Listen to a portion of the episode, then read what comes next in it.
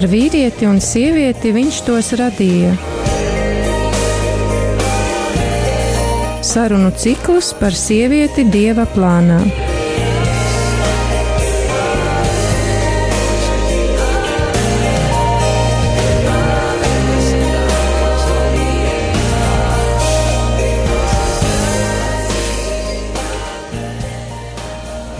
Lai slavēts Jēzus Kristus, labvakar klausītāji, ir otrdiena, pulkstens jau ir sešas pāri pieciem, otrais mais. Ar tevi ēterā ir Iveta Šaicāne ar jaunu raidījumu Sieviete Dieva plānā. Dargie radio Marija klausītāji un klausītājas, ir maija mēnesis. Nu šo tātad dievmātes mēnesis drīz būs mātes diena, un 13. maijā mēs atzīmējam dievmātes parādīšanās Fatimā simto gada dienu. Citiem vārdiem tāds tiešām ļoti sievišķīgs mātei veltīts mēnesis. Nu, šo mēnesi mums ir paredzēts Radio Marija trīs sarunu ciklus par sievieti dieva plānā. Un šo raidījumu gribētos sākt ar otrā Vatikāna koncila noslēguma vēstījuma vārdiem. Tā stunda nāk, tā stunda jau ir klāt, kad sieviešu aicinājums tiks atzīts visā pilnībā Stunda, kad sievietes iemantos sabiedrībā līdz šim nesasniegtu ietekmi, varu un vietu.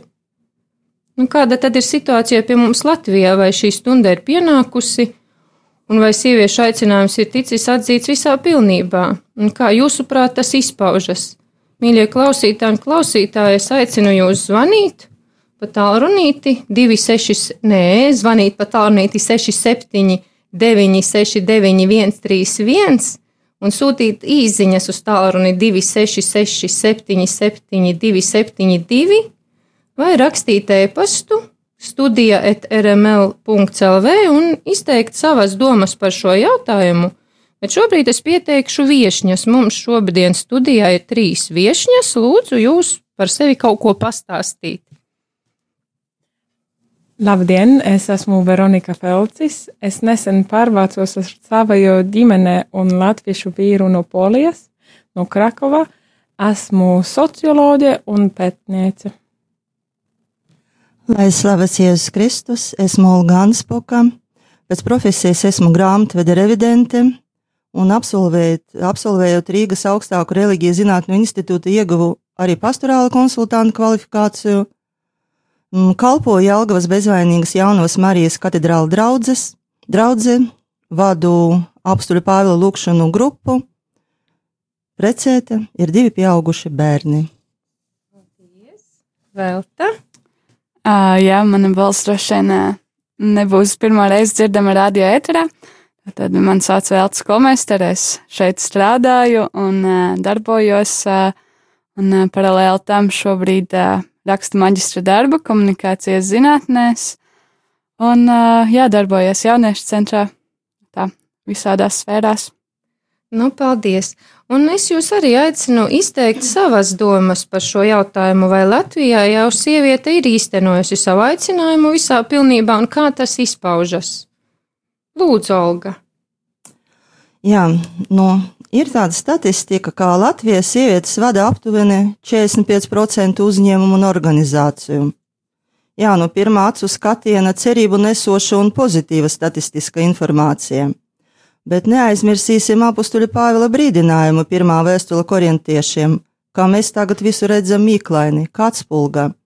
Un tāpēc, lai šo informāciju paskatīties plašāk un objektīvāk, nu būtu jau liederīgi pieminēt arī citus statistiskus datus, piemēram, Šķirto laulību skaits uz tūkstotu iedzīvotāju ir viens no lielākajiem Eiropas Savienība valstis. 2014. gada Latvijas šis rādītājs bija 3,1, bet vidē Eiropas Savienības valstis - 2, un salīdzinot ar 80. gadiem uz pusi sarucis dzimušo skaits, un mirstības rādītāji vēl joprojām pārsniedz dzimstības rādītājus. Un salīdzinot ar 90. gadu sākumu, Abortu skaits samazinājās aptuveni 5 reizes, bet joprojām tas ir liels - ap 9000 gadām. Nu šeit var minēt arī ārlaulība dzīvošu bērnu skaitu, sociālas aprūpes nāmos dzīvošu bērnu skaitu, sieviešu skaitu, kas cieš no depresijas un izdegšanas sindromā. disfunkcionālu ģimeņu skaitu un tā tālāk. Es domāju, ka šie skaitļi arī nebūs iepriecinoši un optimistiskie. Nu, runājot jau par ekonomikas radītājiem, ir zināms, ka Latvija IKP uz vienu iedzīvotāju ir viens no pēdējiem Eiropā. Nu, jautājums, ko tad Latvijas sievietes kopumā ir sasniegušas un kāda veida ir īstenojuši savu aicinājumu? Kas ir svarīgākais? Ekonomiska izaugsme, par kuru starp citu mūsu tautas labklājības līmenis nebūtu neliecina, vai tautas demogrāfijām. Diez vai dieva plāni ir pazaudēt mūsu tautu tuvāko simts gadu laika no pasaules kartes. Protams, kā dzimstība ir ne tikai sievietes, bet arī vīrieša ziņa, bet ieņemt un iznesat savā klēpja bērnu var tikai sievietē. Katrai sievietei ir savs aicinājums, kas atbilst tiem talantiem, ko viņa ir piešķiris radītājs, un par kuru pielietojumu savā un cilvēku labā viņai būs jāatbild. Tā kunga priekšā bet kā mēs realizējam šo aicinājumu un vai mēs vispār to atpazīstam, kaut kāda mēra ir atkarīgs no politiskas, sociālas un kultūras vides, kurā dzīvojam, un kuras raksturīgas iezīmēs ir patērētāja gars, individualisms. Es taču pats esmu savas dzīves noteicies. Ētisks relativisms. Sabiedrība ir pārņēmusi neusticība un šķiršanas epidēmija, karjerisms nu nonākuši tāda patērētāja mentalitātes gūstam un rūpēdamies vienīgi par materiālu labumu un nemitīgu vairošanu, daudzi cilvēki, un, protams, kā arī mēs, sievietes, nespēj un pat nevēlas atpazīt un iztenot savu sākotnēju aicinājumu saskaņā ar dieva nodomu.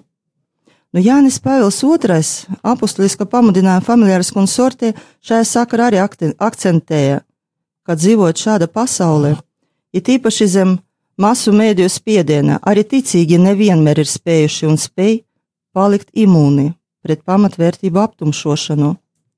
Atceros kādu scēnu no krievu komēdijas filmas par vienu šķirto ģimeni. Tēvs, kuru sešgadīgā meita nav redzējusi no, nav, no dzimšanas, uzdrošinājis Ziemassvētkos viņu apciemot. Māmas nav mājās, un uz jautājumu, kur ir mamma, meitene atbild: Māma ir darbā. Viņa domā, kā pelna manai nākotnē, bet īstenība savai tagadnei.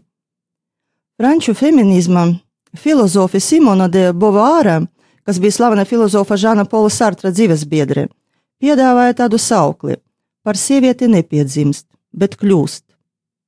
Jā, skaistu sieviešu attēli, dzīves stāsti ar laimīgām beigām sieviešu žurnālos, reklāmas saukļi, tu esi tā vērta, tu to vari sasniegt, un tam līdzīgi iedvesmo un liek rīkoties, bet vai pareizi virzienā? Marijāņa tēvs Viktors Peņķuš mācīja, ka izvēloties savu vietu sabiedriskajā un politiskajā dzīvē, sievietei jāgada par to, lai neciestu sievas un mātes lomām. Arī Jānis Pāvils II viena no savām eh, vēstījumiem ģimenēm akcentēja, ka ir jāatsakas no domāšanas veida, saskaņā ar kuru sievietei tiek piešķirts lielāks gods par darbu ārpus mājas nekā par darbošanos ģimenei. Un taču tas jāprasa, lai arī vīrieši patiesi vērtētu un mīlētu sievieti, pilnā mērā respektējot viņas personisko cieņu, un lai sabiedrība radītu un attīstītu vajadzīgus nosacījumus mājas darbam. Tā runāja Jānis Pēls II, un tā ir viela pārdomām. Jā, Olga, paldies. Es tik saprotu, jūs tā vairāk tās mūsdienu sabiedrības problēmas un vairāk saskatāt ar tādu kā, nu, nepareizi izdzīvotu šo sievietes varbūt aicinājumu, pārāk varbūt aizmirstot to savu mātes lomu un sievas lomu. Labi, uzklausīsim arī citus viedokļus. Varbūt jūs, Veronika? Paldies! Es um, gribētu runāt angliski, un Iveta apsolīja to uh, nu, mēģināsim, jā, ja jūs tā vienkārši izteiksieties. No, no tā, ka es saprotu Olgas viedokli, um, un tas bija ļoti daudz tēmas, kur, par kuru tu runāji, un, un, un tas man, manuprāt, arī parāda to, ka tas ir sarežģīta tēma vispār runāt jā. par sievietēm un, visas viņas um, vietas un viedokļas. Mm, bet um, un tagad angliski. Um, as I understand, you were referring to the statistics that 45 women, percent of women are in a position. Uh, this is the statistics that 45% of higher positions are uh, held by women. Um, Jā, Veronika atsaucās to, ka Olga pieminēja tos 45%, ka Latvijā vadošajos amatos ir no visiem, teiksim, visam organizāciju vadītājiem, un šo, uh, tās ir sievietes 45%. But um, what is hidden in the statistics is also that they not only hired on the pos higher position, but they also often doing still at home the double shift of a homework. Jā, tas, kas te varbūt neparādās, ir tas, ka tā sieviete ne tikai ieņem šo te amatu, bet aiz tā slēpjas, ka viņai arī ir šis, nu, dubultie pienākumi, viņai vēl joprojām jāturpina arī visi māju pienākumi, kas saistās ar bērniem, ar ģimeni. And the other statistics from 2014 is also showing that the 32% still three years ago, 32% of Latvian women has said that they ever experienced sexual or physical violence. Un, un, un Veronika runā par to, ka 2014. gadā 32% Latvijas iedzīvotāju sieviešu ir atzinušas, ka viņas ir piedzīvojušas seksuālu vardarbību. Um, but the level of EU is only 22. Uh, sorry, EU? So the level in Latvia of, ah, of that physical jā, jā, jā, sexual jā, sapratu, jā. 32 mm -hmm. and the EU level is jā, 20. sapratu, un Eiropā šis skaitlis ir 22%, mm -hmm. tā kā labāks rādītājs mazliet. Mazliet, yeah. Um, and to say the last uh, thing that you've mentioned, um, I also agree very much that it's not about the economic growth, uh, but I wouldn't put uh, on the other side of the scale national demographics, but rather the quality of our life.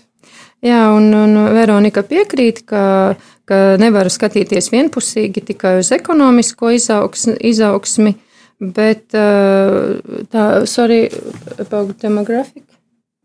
Ah, jā, ka jāskatās tomēr ne tikai uz demogrāfisko rādītāju, bet arī uz dzīves kvalitāti, kāda mums ir Latvijā kopumā. Mm -hmm. So speaking about women is not necessarily feminist, it's feminism itself already. Runājot par sievieti, tas tā uzreiz viņu to nevarot tā nu, definēt kā feminismu. Jā, un vēl tā varbūt. Uh, Kāds ir tavs viedoklis? es droši vien īstenībā gribētu lūgt uh, vēlreiz uh, pašu jautājumu, lai mēs Jā. tā nedaudz atgrieztos pie paša Jā, nu, mēs tā kā tā doma, mēs atbildam par to, kāds tad, e, kā jūs redzat, kā tad sieviete mūsdienu Latvijā izdzīvo šo savu aicinājumu visā pilnībā. No Olgas puses bija tā tāds uh, mājiens uz to, kad uh, it kā šie rādītāji par sieviešu vadošajām lomā, lomām sabiedrībā diezgan augsti, bet tas ir tā kā nes līdzi arī savu ēnas pusi, un būtībā Veronika arī paturpināja, kā, kāda tad šī ēnas puse izskatās gan par, gan par šiem papildus slodzi, kas ir sievietei, kura strādā gan sabiedrisko darbu, gan mājās, gan arī par šo vardarbību attiecībos sievieti. Jā, tad uh, es droši vien uh, noteikti nebūšu tas cilvēks, kurš varēs nodrošināt statistiku un pamatot savu uh, viedokli ar uh, jā, tādu visaptvarošāku skatu, bet uh, tā, es tā zinu, ka es uh, domājot par šo tēmu ik pa laikam, saprotu, ka nu, es esmu dzimusi 90. gada sākumā, un uh, līdz ar to es saprotu, ka uh, Um, manā skatījumā es nekad nemaz re, neesmu īsti redzējis tādu problēmu vai negatīvu iedalījumu. Līdz ar to es domāju, ka tas arī ir jau tāda liecība par laiku, par uh, to, ka manī nekad nav bijušas, bijušas šaubas, ka sievietes varbūt tās būtu tās, kurām būtu jāieņem zemāki amati, vai ka sievietes ir retāk vadošās lomās. Līdz ar to es domāju, ka, ka tas pārmaiņu process ir uh, jā, tāds, uh, uh, nu, jā, tādā notikšanas stadijā. Un, uh, Un, jā, tad, no, nu, protams, ka ir arī tie izaicinājumi, kas līdz ar to arī nāk, bet man liekas, ka, ka šis ir tas brīdis, kad ir ļoti daudz jautājumu. Ļoti daudz jautājumu par to, kā būtu pareizāk, kā, kā būtu tas vispareizāk jāvērtē, un arī kā kristiešiem uz to vispār skatīties. Un kristiešu viedokļi man šķiet ļoti dalās, un arī Uh, arī Latvijā tiek meklēti tie, tie pareizākie skatījumi, kā, kā tad būtu, kurā pusē būtu jānostājas, vai sievietes loma ir uh, mājās, un tur viņa vispilnīgāk izpilda šo dieva aicinājumu rūpēties par ģimeni, vai arī, vai arī uzņemoties, uh, ja tas, tas, ko tika minēts, kā šī dubultā slodze, un tad, uh, jā, nu, mans viedoklis ir tas, ka mēs esam tādā ļoti, ļoti uh, izteiktā jautājuma posmā, kur mēs katrs sev un uh, arī apkārtējiem loģiski uzdodam šo jautājumu. Jā, paldies, Velta. Nu, mums tāda būs pauzīte, kad mēs varam apkopot mazliet arī sa savas domas, ko, kā, ko tad katrs no jums arī klausītāji domā šai, šai sakarā, kā tad sievietei ir mūsdienās izdzīvot šo savu aicinājumu uh, Latvijā, gan sabiedrībā, gan baznīcā. Pēc pauzītes tiekamies atkal. Jā, no savas puses noteikti atgādinu, ka arī klausītājiem ir iespēja iesaistīties sarunā ar, eh, ar īziņu palīdzību, rakstot tās uz tālruņa numuru 266 772 72, kā arī zvanot uz tālruņa numuru 679 69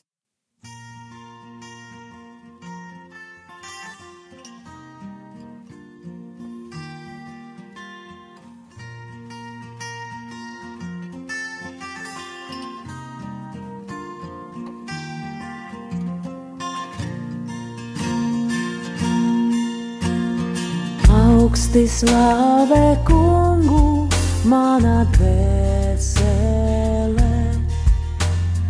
un gavilē dievā savā pestītājā.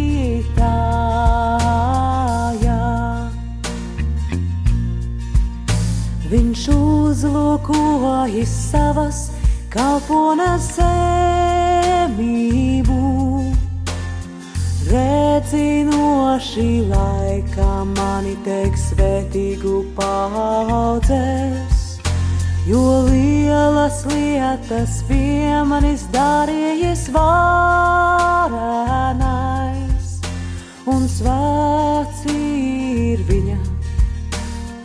Vārds. Augsti slāvē kungu, mana dvēsele un gavilē dievā savā pestītājā.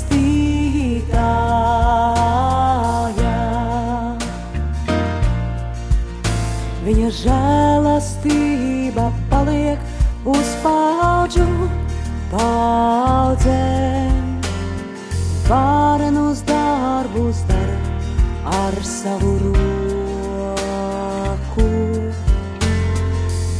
Izkaisā augstprātīgos, varenos nogrūž no troņa.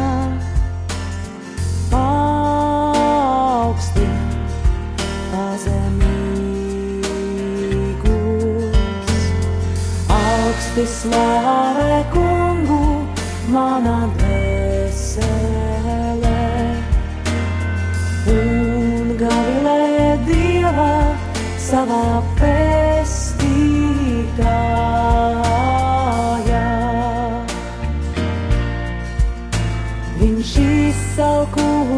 pavaro, bagātos atstāja tūkšā. Viņš uzņem savu kalpu Izraēlī atcerēdamies žēlastību, kā runājis uz mūsu tēviem, Abrahāmu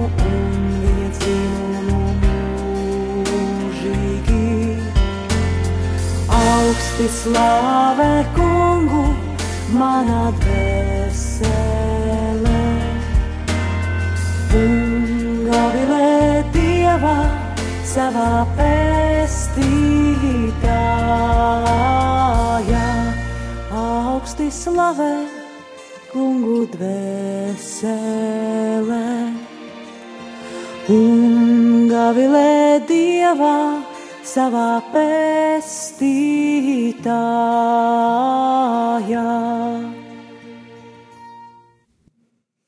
Dārgie klausītāji, esam atpakaļ ēterā ar raidījumu par sievieti. Studijā esmu es Iveta Šaicāni, un mums viesojas Velta, Olga un Veronika. Mēģinām kopīgi mm, runāt un mēģināt atrast vai vismaz ieskicēt kaut kādas nelielas atbildes uz jautājumu par sievietes lomu mūsdienu sabiedrībā un baznīcā. Labprāt dzirdētu arī tavu viedokli. Lūdzu, zvani 679, 691, 31 Sūti SMS 266, 77, 272 vai arī raksti uz e-pastu studija at rml.lv. Pirms eh, šīs pauzes mēs uh, var teikt, ka ieskicējam nedaudz to ainu, kad sieviete tiešām varbūt ieņem ar vien lielāku ietekmi, bet tai pašā laikā tie statistikas rādītāji gan attiecībā uz ģimeni, šķirtās laulības un, un, un, un bērnu, teiksim, aborti un, un arī vardarbība pret sievieti. Tomēr diezgan lieli šie, šie rādītāji negatīvie. Un, nu, varbūt, varbūt lielāku gaismu mēs varētu uz to izliet, ja paraudzītos nu, gan jau 2000 gadu senā vēsturē, ko tad Jēzus izdarīja, kad atnāca un kā viņš, kas bija tas jaunais ko Jēzus izmainīja attiecībā pret sievieti. Saicināšu izteikties studijas viešņas. Lūdzu, varbūt vēl te var iesākt. nu, jā, varbūt tad man vēl jāpriecājas par to, ka es runāju pirmā, jo, uh, jā, varbūt tās tad, ja tu, uh, tas, kas man pirmais nāk prātā, un uh, es domāju, ka tas Es, protams, nevaru spriest, vai, vai Jēzus bija pirmais, kas tā rīkojās, un eh, noteikti, ka, ka tas prasīja tādas spēcīgākas zināšanas par tā laika kultūru, bet, uh, bet noteikti tas, ar ko viņš nāca, tā bija cieņa, un, un tā ir ļoti, ļoti būtiska lieta, kas parādās gan Jēzus attiecībās ar Mariju Magdalēnu, kas parādās Jēzus attiecībās ar Samarieti, un, un jā, tas, tas nozīmē uzlūkot personu kā patiešām persona, nevis kā blakus piedevu sabiedrībai, kā, ja, ja, ja tā skaistīšanas sistēma tajā brīdī bija, nu, skaitam, cik vīri atrodas telpā, tad arī, lūk, ir sieviete, sieviete kā konkrēta persona ar savu dzīves stāstu un, un kā tiešām vērtība, un noteikti, ka tas arī ir tāds ļoti ilgstošā vēstures periodā joprojām bijis izaicinājums, cik cik liela vērtība ir sievietes pieredzēji un viņas dzīvei un viņas jā, šiem dzīves notikumiem. Tāpēc nu, tā noteikti ir tā man pirmā atbilde par cieņas pilnu skatījumu uz sievieti kā uz vērtību. Nu, lai izprastu, kas bija tas jaunais, ko Jēzus ienesa attieksmē pret sievietēm, nu, jāiedziļinās tā laika sieviešu dzīvesveidu, nu šo jautājumu nevar skatīties tā atrauti no tā vēsturiska un bibliska kontekstā.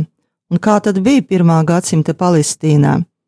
Nu, jūdu sieviešu dzīve bija ierobežojumu pilna. Pilsētniecis, piemēram, reti kad atstāja māju. Viņa varēja doties uz sinagogu, varēja pārdot, pirkt preces, bet viņas nevarēja, piemēram, la laucinieces, vispār jā, arī laikam pilsētniece nevarēja vispār iziet ārā no mājām vienas pašas. Vīrs varēja apņemt vēl vienu sievu vai turēt piedzīvotāju, vai arī šķirties no sievas jebkurā iemesla dēļ. Meitenes nesūtīja skolā, un viņas arī neapmeklēja sinagogas dievkalpojumu mācību daļu, kas notika vīriešu istabā un neviens vīrietis pat nedrīkstēja uzrunāt sievieti, kuru viņš nepazina.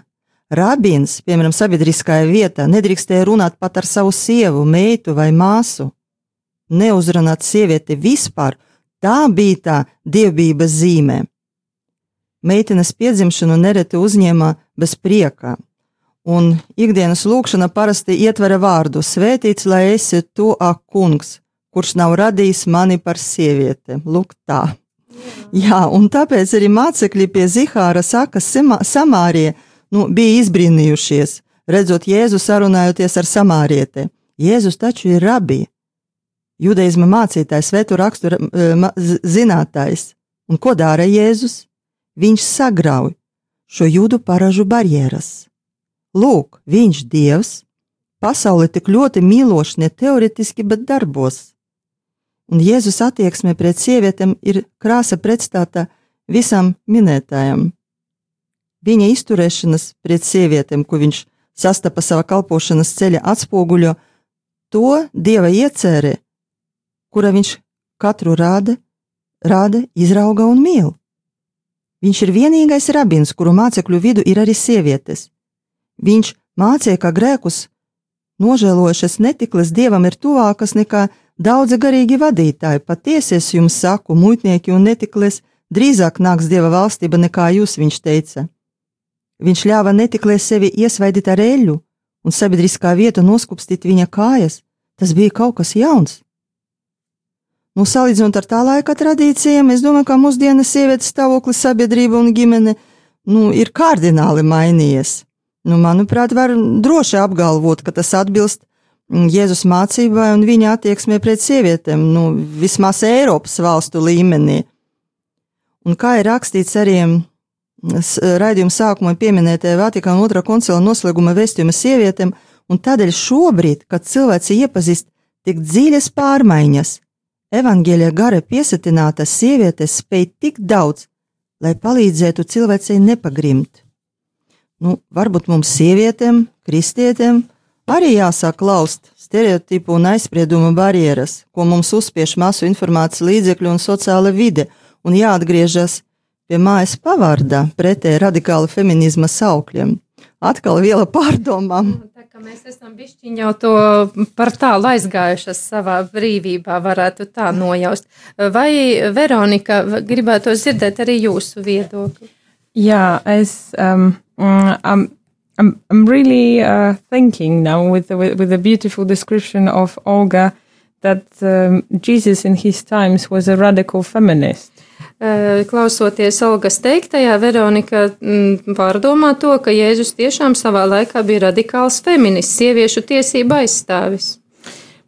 My question, however, would be whether throughout the history of the institution of church, throughout the 2000 years, and we need to remember that the priesthood of women and, and, and preaching of women was banned in the fourth century. Uh, and it was very much um, also by the John Paul II um, mm, solved as the ultimate answer of the church in 1994 with his uh, with his letter um, that. -hmm. Jā, Veronika vaicā, vai, vai šo 2000 gadu laikā kopš Jēzus nākšanas arī nu, baznīcas līmenī ir šis jautājums varbūt, nu, izskatīts, un vai sievietes loma arī, nu, teiksim, baznīcā ir līdzvērtīga vīrieša lomai. So, throughout the 2000 years, we had a history of men being more or dominating priests and then only priests. Yeah. And then there were, throughout the centuries, the only male theologists. So our perception of a God is very much male oriented.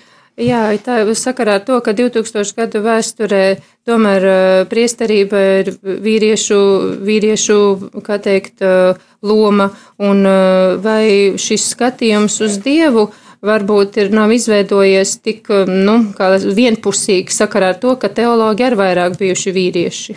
So I'm very happy to have this conversation right now and and although quoting Vatican Council is is something very uh, um, valuable because it was a very hopeful moment in 1960s for women to change their position within the church and with uh, with uh, in the society. Veronika priecājas par šo sarunu un arī par to, ka otrais Vatikāna koncils tiešām bija tāds nu, cerību, cerību laiks, kurš aizsāka tādu cerību laiku sievietē, sievietes aicinājumam baznīcā un sabiedrībā. But it's important to remember that in 20th century the feminist, the women's theology started to grow.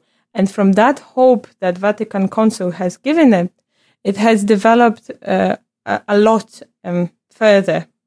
Un uh, 20. gadsimtā ir arī uh, pieaudzis sieviešu teologu skaits, un otrais Vatikāna koncils ir devis šo, šo iespēju arī šīm sievietēm ar vien vairāk izpausties, nu, savu viedokli paužot un varbūt arī ienesot sabiedrības kaut kādu nu, citu skatījumu arī uz to, kas ir, kā, kā, kas ir Dievs, kas ir baznīca, un tādu sievišķīgu skatījumu.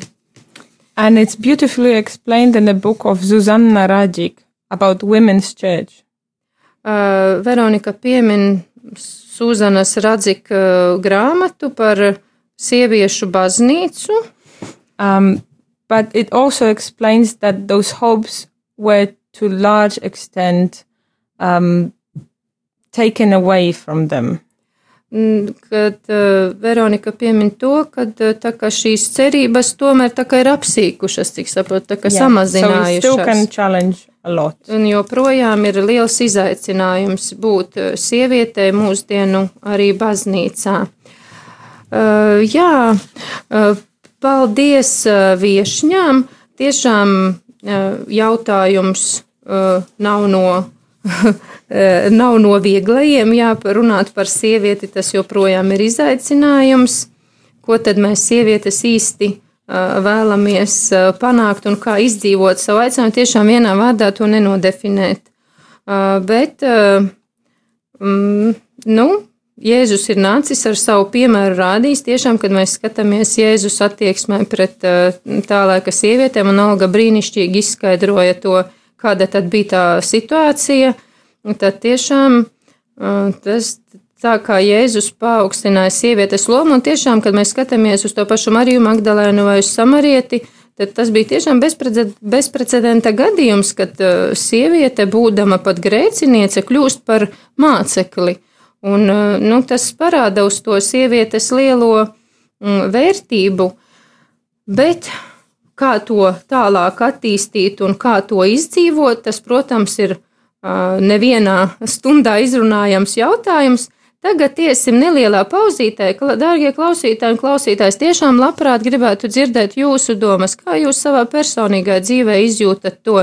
Vai- jūs kā sieviete, vai kā vīrietis, kurš mēs te nerunājam tikai ekskluzīvi par sievietēm, varbūt vīrieši vēlas teikt savu skatījumu par, par savu, teiksim, bēdu, kā viņi jūtās, varbūt apspiesti un varbūt vardarbību. Nu, teiksim, ne šobrīd nav pat uzsvars uz kaut kādu tādu vardarbību, bet to, nu, kā mēs tad kopā varam veidot šo, kā Jānis Pāvils II saka, to mīlestības sabiedrību, lai mēs viens otru saprastu un nebūtu viens pret otru, bet viens par otru. Tātad mēs iesim nelielā muzikālā pauzītē, gaidām jūsu zvanus un tiekamies pēc neilga brīža. Ja nolasīšu to ziņu, kas jau ir pienākusi, kāds klausītājs vai klausītāja, nezinu, nav parakstījies rakstā mīļā Iveta un kolēģis, paldies par šo ļoti aktuālo sarunu. Manuprāt, jūs visas esat ļoti labs piemērs unikālai sievietes aicinājumu izdzīvošanai katrai savā dzīvē. Lūk, tad, jā, noklausīsimies šajā brīdī dziesmu, un tad arī turpinam sarunu. Marija,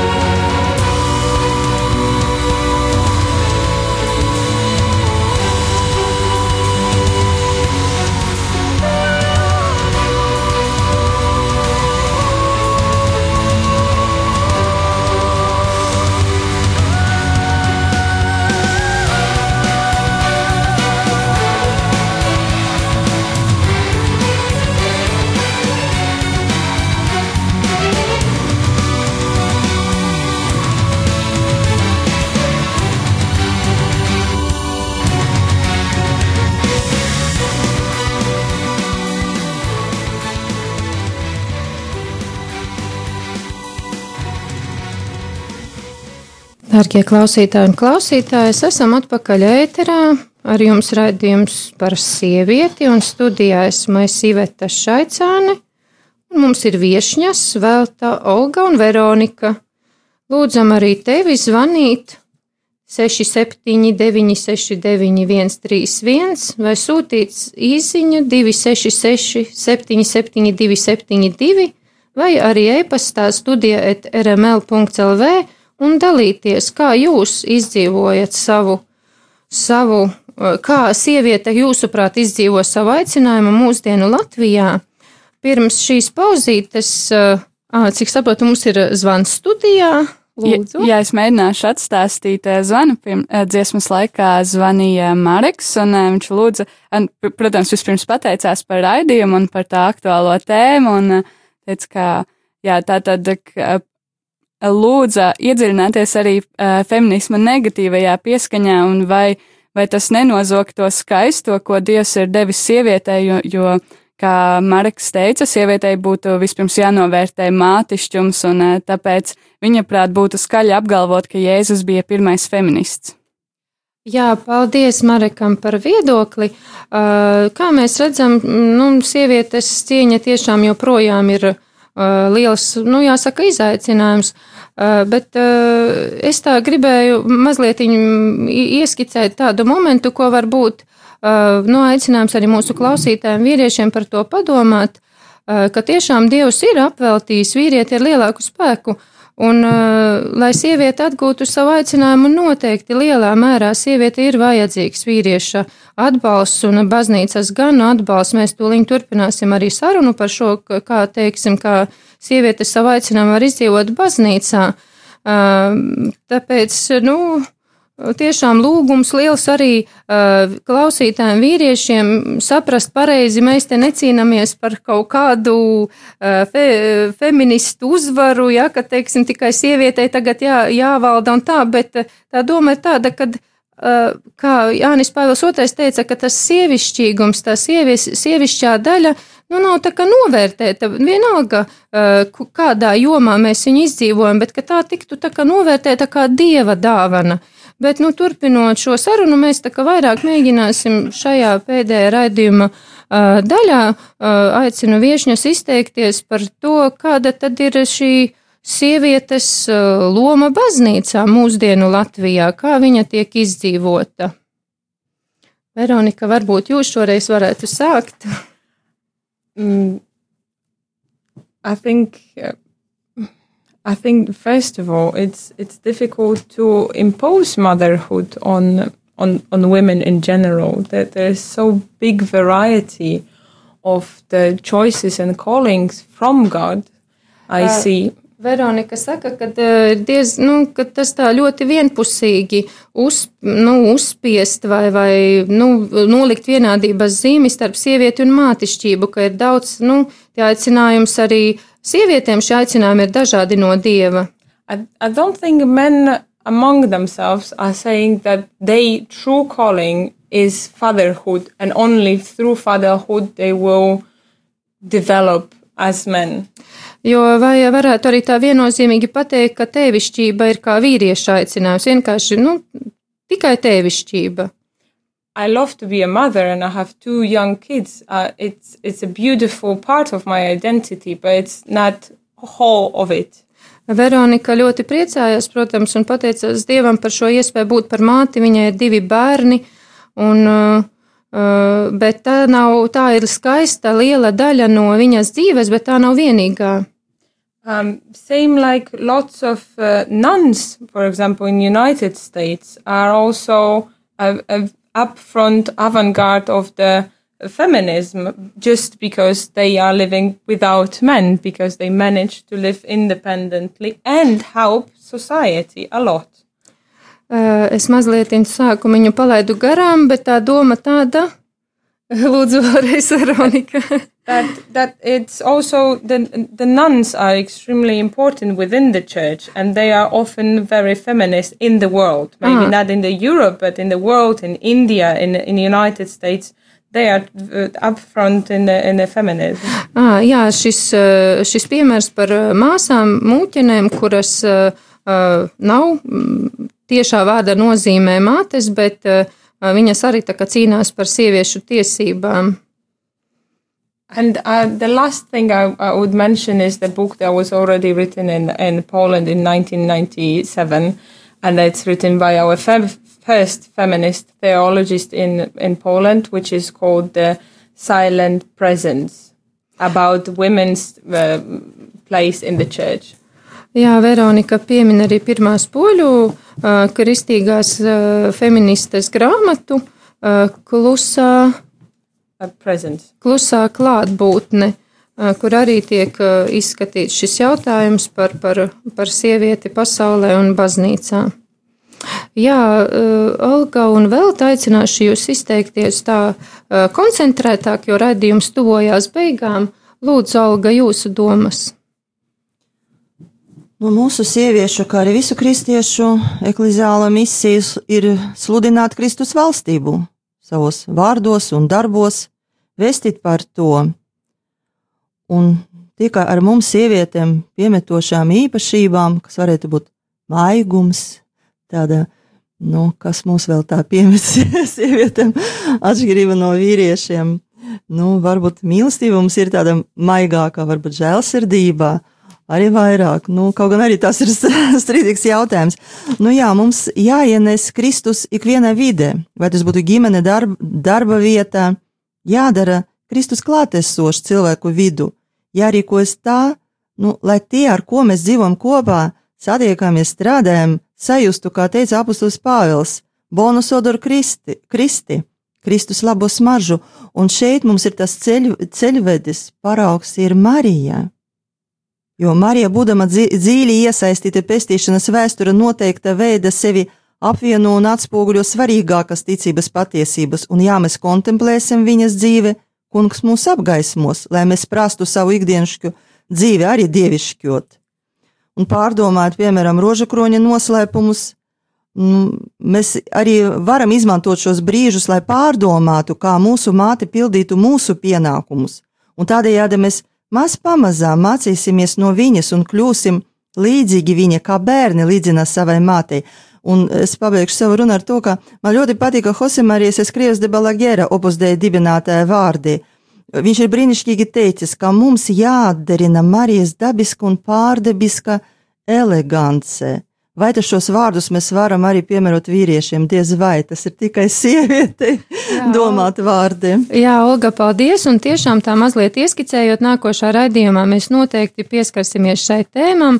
Tēmai Marija kā sievietes tāds, nu, cēls un, un prototips. Vēl te varbūt vēl pāris vārdos jūsu domas. Jā, es izmantošu iespēju sākt uh, savas domas ar vēl divām īziņām, kas ir pienākušas. Tad uh, viena no tām ir no Rītas, kura raksta, Dievs palīdz ikdienu rūpēties par bērniem arī tad, kad esmu palikusi vienīgais vecāks. Ļoti pietrūkst aktīvu vīriešu visās jomās Latvijā, tā skaitā baznīcas kalpošanā. Sievietes spiestas iznest uz saviem pleciem dažādas grūtības. Un, uh, otra izziņa ir uh, jauna Marija bija sieviete, un mēs viņu godinām, un vēl Dievs taču radīja vīrieti un sievieti, tātad viņa ir vērtīga un vajadzīga. Paldies, jā, un tagad savas domas. jā, un, jā, tad par manām domām mēģināšu tā tiešām ātri, tad man šķiet, ka runājot par sievietes lomu, teiksim, Latvijas baznīcā vai vispār baznīcā un katoļu baznīcā, tad tas arī vēl joprojām ir tāds izaicinājums, jo, jo noteikti arī tas mātišķums, par ko runām par Mareks, tas nevienmēr ir burtisks, un, un tam no, noteikti ir īpaša loma arī baznīcā kā kopienā, un, Tāpēc arī parasti, tad, kad uh, kāds nostājas pret sievietes ordināciju, tad parasti tas pretarguments ir, bet sievietē taču ir gan uh, citas iespējas būt vadošā lomā vai būt tādā vadītāja lomā, bet uh, man šķiet, ka tā ir vēl tāda nu, atv atvērts process, atvērta pozīcija, kurā, kurā sieviete varētu arī ieņemt šo kaut kādā ziņā kopienas vadītāja loma, kur, kur arī tas noteikti ietvertu šo sievišķīgo gādīgumu un rūpes par uh, vai nu tā ir uh, kaut kādā ziņā draudze vai lūkšana grupa vai kopiena, un, uh, un uh, jā, tas, manuprāt, ir tāds vēl atvērts izaicinājums, bet tas ir lielā mērā saistīts varbūt pat ar laju lomu, ne tikai ar sievietes lomu kā tādu. Jā. Jā, nu, visādā ziņā paldies, paldies gan jums, viešņas, gan arī tie, tie kas zvanīja un rakstīja. Un uh, es domāju, ka ļoti skaisti vārdi, ar kuriem varētu noslēgt šīs dienas pārdomas, būtu nu, arī no Jāņa Pāvila otrā apustuliskās vēstules Mulieris dignitātēm, kur viņš saka tā, sieviete tika radīta un uzticēta vīrietim ar visu viņas sievišķības citādību un spēju kļūt par māti. Sievietes cieņa pirmām kārtām ir atkarīga no viņas pašas, kā par sevi atbildīga subjekta, un vienlaicīgi šī cieņa ir arī vīrieša uzdevums. Liekas, tiešām pāvests ļoti labi. Jā, Veronika, jūs vēlatos piebilst. I'll gladly hear the next time also words of women speaking about women, for example, Edita Stein and others who are who quotes we can Jā, jā, jā, noteikti. Uh, Veronika vēlās dzirdēt arī nākošā radījumā. Mēs, kā jau ieminēju, runāsim par Mariju kā sievietes prototipu, un noteikti mēs varam ņemt kaut kādus arī citu iez, sabiedrībā pazīstamu un, un svētu sieviešu izteikumus, ko viņas pašas ir teikušas par sievieti. Un, bet, nu, nobeidzot šīs dienas raidījumu, jā, tiešām man liekas, tie Jāņa Pāvila otrā vārdi ir zīmīgi tādā ziņā, ka šis ir viņš tā labi norāda uz to sadarbību, kādai ir jābūt. Un varbūt vīrietim apzinoties vairāk savu spēku, ir iespēja arī sievieti atbalstīt. Sievietei savukārt, kā Olga teica, ir iespēja ar to savu mīl, mīlošo gādību atbalstīt. Nu, lai mēs tiešām spētu paraudzīties tā, ka mēs esam aicināti uz šo mīlestības kārtību pasaulē, jo Dievs uzticēja gan vīrietim, gan sievietei šo pasauli pārvaldīt. Un, diemžēl, tā mīlestības kārtība pasaulē ir nu, tāda, kāda viņa ir. Vairāk ir tāda var, va, varaskāre un mantaskāre, un tiešām šis sievišķais, sievišķais elements ir bijis kā, nu, diezgan, diezgan noplicināts, bet, kā jau minēju, nākošā reizē caur diamātes paraugu mēs noteikti varēsim un, un svētu sieviešu paraugu padzi, paraudzīties vēl dziļāk uz šo jautājumu par sievieti mūsdienu pasaulē. Jā, paldies jums, darbie klausītāji un klausītājas, un paldies viesņām studijā, Vēltai Olgai un Veronikai. Paldies, paldies tev par Jā, ideju. Uh, un ar jums ēterā bija Iveta Šaicāne raidījumu Sieviete Dieva plānā. Tiekamies atkal 16. maijā, pulksten 17.00, lai kopīgi meklētu atbildes Dieva godam un savam, savam arī labumam un izaugsmai. Paldies!